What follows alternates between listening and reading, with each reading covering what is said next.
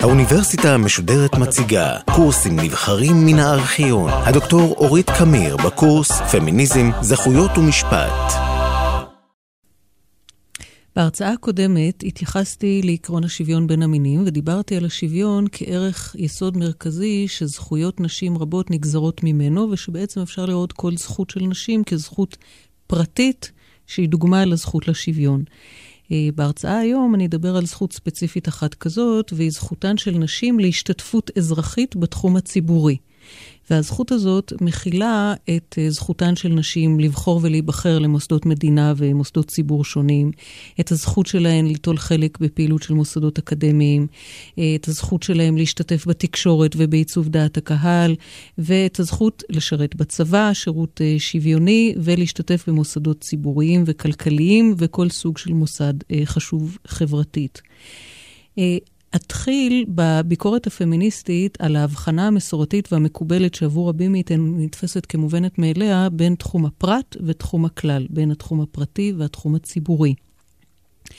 ההבחנה הזאת, שניצבת על תילה עת ארוכה מאוד בתרבות המערבית, אה, יודעת להגיד לנו שבתחום הפרטי, זכותו של אדם להיות חופשי מעינה הפקוחה של החברה סביבו, והוא רשאי לעשות ככל העולה על רוחו, הוא לא כפוף, הוא לא כפוף לכללים, וביתו הוא מבצרו, לשם אף אחד לא יכול להידחף, אף אחד לא יכול אה, למנוע ממנו לעשות מה שהוא רוצה.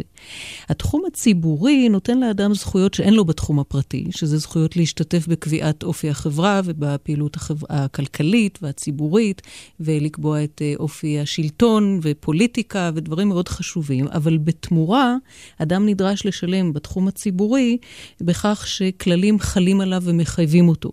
יש לנו הרבה מאוד סוגים של כללים שחלים עלינו בתחום הציבורי, אה, החל מכללי הגינות וכללי נימוס וכללי התחשבות הדדיים. וכללי דיבור, וכללי לבוש והופעה, וכללי טעם טוב, וכלה בכללים משפטיים שאומרים לנו מפורשות שאם נעבור על אה, נורמה כזאת או אחרת, אז נשלם מחיר יקר עד כדי אה, מאסר וכליאה. ההבחנה הזאת היא ותיקה בחברה שלנו, אבל היא אומצה על ידי השקפת העולם הליברלית, אה, במאות שנים האחרונות היא גם קיבלה גיבוי של שיטות המשפט בחברות הליברליות שמדינת ישראל אה, נמנית עימן. המשפט מצד אחד מגן על אדם בתחום הפרט ומונע מהמדינה ומפרטים אחרים להפריע לו לממש את החופש שלו בביתו, ומצד שני המשפט מבטיח את זכות האדם להשתתף בחיים הציבוריים שמתרחשים מחוץ לבית. לכאורה הכל טוב ויפה ופשוט ומובן מאליו, אבל הטענה הפמיניסטית היא, והיא ביקורתית, שההבחנה הזאת מתייחסת בעצם לגברים. וזה שהיא מדברת בלשון אדם כאילו היא חלה על כל בני אדם באשר הם, זו הטעיה, בגלל שלמעשה ההבחנה הזאת לא חלה על נשים, ולא רק שהיא לא חלה על נשים, אלא היא מעניקה את הזכויות לגברים על חשבונן של נשים. והטענה היא כפולה. הטענה היא שבתוך מסגרת הבית, אה, מבצר, ביתו של אדם הוא מבצרו לגבי גברים, ולעומת זאת לגבי הרבה מאוד נשים ברחבי העולם, הן חשופות בביתן אה, לשליטה של בן זוג אה, מדכא, לאלימות בתוך המשפחה, לאונס, אה, להגבלת החירות שלהם ולהרבה מאוד תופעות קשות שאנחנו נהיים יותר ויותר מודעים אליהם אה, עם השנים בעשורים האחרונים. במקביל, בתחום החיים הציבוריים, החוק אמנם מבטיח השתתפות, אבל הוא מבטיח בעיקר את ההשתתפות של הגברים, והוא מעודד השתתפות של גברים, בעוד שלגבי נשים החוק מגבה ומתקף את הנורמות הפטריארכליות, שמבחינתן כל כבודה בת מלך פנימה. המקום הראוי לאישה הוא הרחק מעין הציבור, הרחק מהחיים הפוליטיים, הרחק מהמעורבות בקרב אנשים אחרים. ולכן ההבחנה הזאת שנראית על פניה אה, לא רק ניטרלית ואובייקטיבית וטבעית, אלא גם מאוד חיובית, למעשה משרתת רק מחצית המין האנושי כקבוצה. ברור שהיא משרתת גם נשים מסוימות, אבל אם מדברים על קבוצות של נשים וגברים, היא משרתת את קבוצת הגברים על חשבונה של קבוצת הנשים. לכן הגישה הפמיניסטית היא ביקורתית כלפי ההבחנה הזאת וכלפי שתי הפנים שלה. על הביקורת ביחס אה, לאי ההתערבות של המדינה במה שקורה בתוך הבית פנימה, אני אדבר בשיחה הבאה שתוקדש לאלימות נגד נשים, שחלק גדול ממנה מתרחש בתוך המשפחה.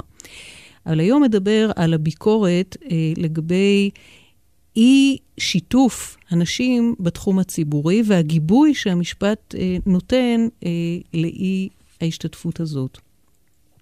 דרישת המינימום של התיאוריה הפמיניסטית בהקשר הזה היא להסיר מדרכן של נשים את המגבלות ואת המכשלות שלא ניצבות בדרכם של גברים. אמ, וזה מתבטא בשני דברים. ראשית, אם יש מכשול שהמשפט עצמו מציב, אז יש לבטל אותו. אם החוק מאפשר לגבר להשתתף בחיים הציבוריים ומונע את זה עם אישה, אז פשוט צריך לבטל את זה. ודבר נוסף לעשות זה לא להעניק גיבוי משפטי לנורמות חברתיות שיוצרות מכשולים כאלה רק בפני נשים. דיברתי בשיחות הקודמות, למשל, על המאבק הסופרג'יסטי להשגת uh, זכות הבחירה. זו הדוגמה הקלאסית והמובהקת והברורה ביותר למאבק פמיניסטי כדי להסיר מגבלות. החוק נתן זכות לגברים להצביע, אותו חוק שלל מנשים את הזכות להצביע. המאבק הפמיניסטי היה לבטל את החלק של החוק שמערים קשיים בפני נשים שהוא איננו מערים אותם בפני גברים. במדינת ישראל, המאבק הזה על הזכות אה, לבחור ולהיבחר התנהל עוד לפני 48', כלומר לפני קום המדינה. ולכן אה, למרבית הציבור בארץ נדמה שהנושא הזה אה, לא שייך לחיים שלנו, שמדינת ישראל כבר נולדה אה, כשזה מובן לה מאליו שהחוק לא מערים קשיים ולא מגבה מכשל, מכשלות אה, חברתיות שעומדות בפני נשים. אבל למרבה הצער, זה לא מדויק, זה לא בדיוק המציאות, כיוון שקיימים לפחות שני תחומים מאוד מרכזיים בהשתתפות הציבורית האזרחית במדינת ישראל, שבהם החוק או מערים קשיים ברורים, או לפחות מגבה נורמות שמערימות קשיים. ושני התחומים האלה אה, זה ההשתתפות בשירות הציבורי הניתן לעניינים דתיים במדינת ישראל, והשני זה הצבא וכל מה שקשור בו. אביא כמה דוגמאות כדי להמחיש את המכשלות האלה ואת האופן שהמשפט הישראלי אה, מטפל בהן.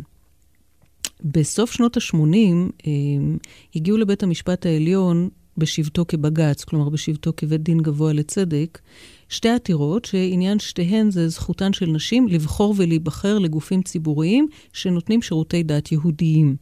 העתירה הראשונה הוגשה על ידי הגברת לאה שקדיאל, שהיא תושבת ירוחם וחברת המועצה המקומית שם. והיא הוגשה על ידי המועצה המקומית בירוחם כמועמדת להיבחר למועצה הדתית, שמעניקה שירותי דת יהודיים בירוחם.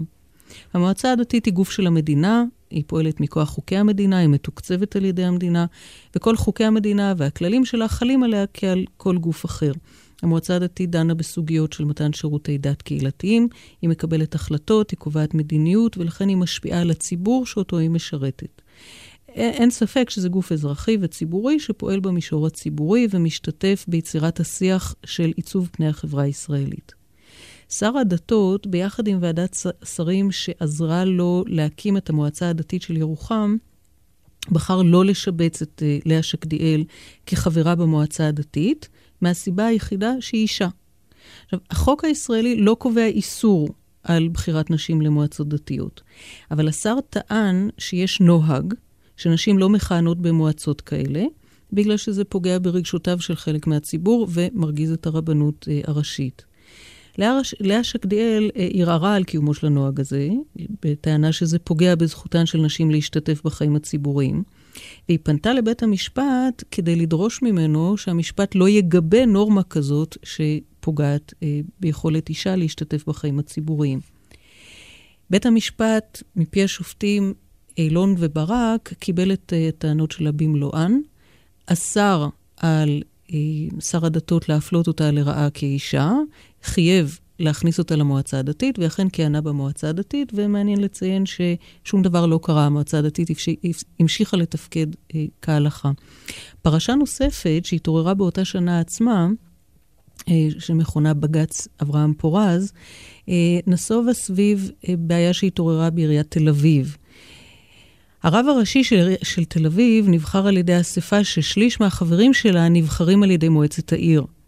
בשנת 1987 מספר סיעות הציגו המועמדות של נשים לאספה שבוחרת את רב העיר, ובתגובה הרבנות הראשית הודיעה שהיא לא תשתף פעולה עם רב שייבחר על ידי אספה כזו שנשים תהיינה חברות בה. בנוסף לזה היה גם חשש שמא חלק מהמועמדים הראויים להיות רב עיר לא יסכימו להיבחר על ידי מועצה שיש בה נשים. לכן ראש העיר ביקש מחברי המועצה לא לבחור נשים לאספה בגלל שהן נשים, וכדי לאפשר בחירת תקינה ויעילה של רב שהרבנות תוכל לעבוד איתו. מועצת העיר קיבלה את בקשתו של ראש העיר ובחרה בגברים בלבד. אברהם פורז, שהיה אז חבר מועצת העירייה, טען שיש בהתנהגות הזאת אפליה והדרה של נשים מהזיר... מהזירה הציבורית. הוא עתר לבג"ץ, ובית הדין הגבוה לצדק קיבל את העתירה שלו, וקבע שמועצת העירייה לא מוסמכת להגביל חברות של נשים בגופים ציבוריים. חשוב עם זאת לשים לב שבג"ץ לא קבע שזכותן של נשים להשתתפות שווה בחיים הציבוריים היא ערך מוחלט, שגובר תמיד על שיקולים אחרים. בית המשפט קבע שגם ההתחשבות ברגשותיה של הרבנות הראשית וגם יעילות בחירתו של רב עיר הם שיקולים חשובים ומרכזיים. והוא קבע שבכל מקרה צריך לשקול את השיקולים אחד כנגד השני, לאזן אותם ולהכריע איזה גובר בנסיבות המקרה. זאת אומרת, בשני המקרים של שקדיאל ופורז, בסוף שנות ה-80, בית המשפט קיבל את דרישות הנשים להסיר מדרכם מכשולים, אבל לא הפך את זה לעיקרון מוחלט ומחייב. ובהיעדר חוקה במדינת ישראל, ובהיעדר חוק יסוד שמבטיח שוויון נשים, הנושא עדיין פרוץ ועלול להתעורר ולעלות שוב ושוב. יש למשל נושאים נוספים בנושא, בהקשר הזה של אה, השתתפות בחיי דת, שלא עולים בכלל על סדר היום הציבורי, וחשוב לפחות להזכיר אותם, וזה למשל אה, אי קבלת נשים להיות אה, דייניות בבתי דין רבניים. בתי דין רבניים הם בתי משפט לכל דבר ועניין, והם דנים בנושאים שחשובים מאוד לחייהן של הרבה מאוד נשים, בעיקר ענייני משפחה, גירושים, אפוטרופסות ושאר הדברים שקשורים למשפחה. אה, דיינים הם עובדי מדינה, הם משת, משתתפים בתחום הציבורי, ונשים מנועות להיבחר לשם, שזו נקודה שבדרך כלל לא חושבים עליה, אבל מן הראוי. התחום השני הוא הצבא. ובענייני צבא, במדינת ישראל קיימת חסימה גלויה ומוצהרת ומפורשת על פני החוק של נשים מהשתתפות שווה בתחום הציבורי. החוק עצמו קובע ששירותן של נשים בצבא הוא שונה, והפרקטיקה המקובלת בצה"ל ומעוגנת בפקודות המטכ"ל היא שנשים חסומות מלהשתתף בתפקידים קרביים ובתפקידים יוקרתיים, ומהתקדמות לדרגות פיקוד בכירות במרבית החילות. אליס מילר הייתה קצינה בצה"ל שביקשה לעבור מבדקי קבלה לקורס טיס ונדחתה על ידי הצבא. היא עתרה נגד הוראות הפיקוד העליון שקובעות שאין לשבץ נשים בתפקידי לוחמה. התשובה של הצבא נוסחה במסגרת תפיסת השוויון האריסטוטלית שאותה הזכרתי לפני מספר שיחות, שמקובלת אה, כתפיסת השוויון במסגרת שיטת המשפט הישראלית. צה"ל טען שנשים שונות מגברים בהקשר של שירות בצבא. צה"ל טען שהחוק הישראלי הכיר בשוני הזה והסתמך עליו לשם קביעת תקופות שירות שונות לנשים ולגברים.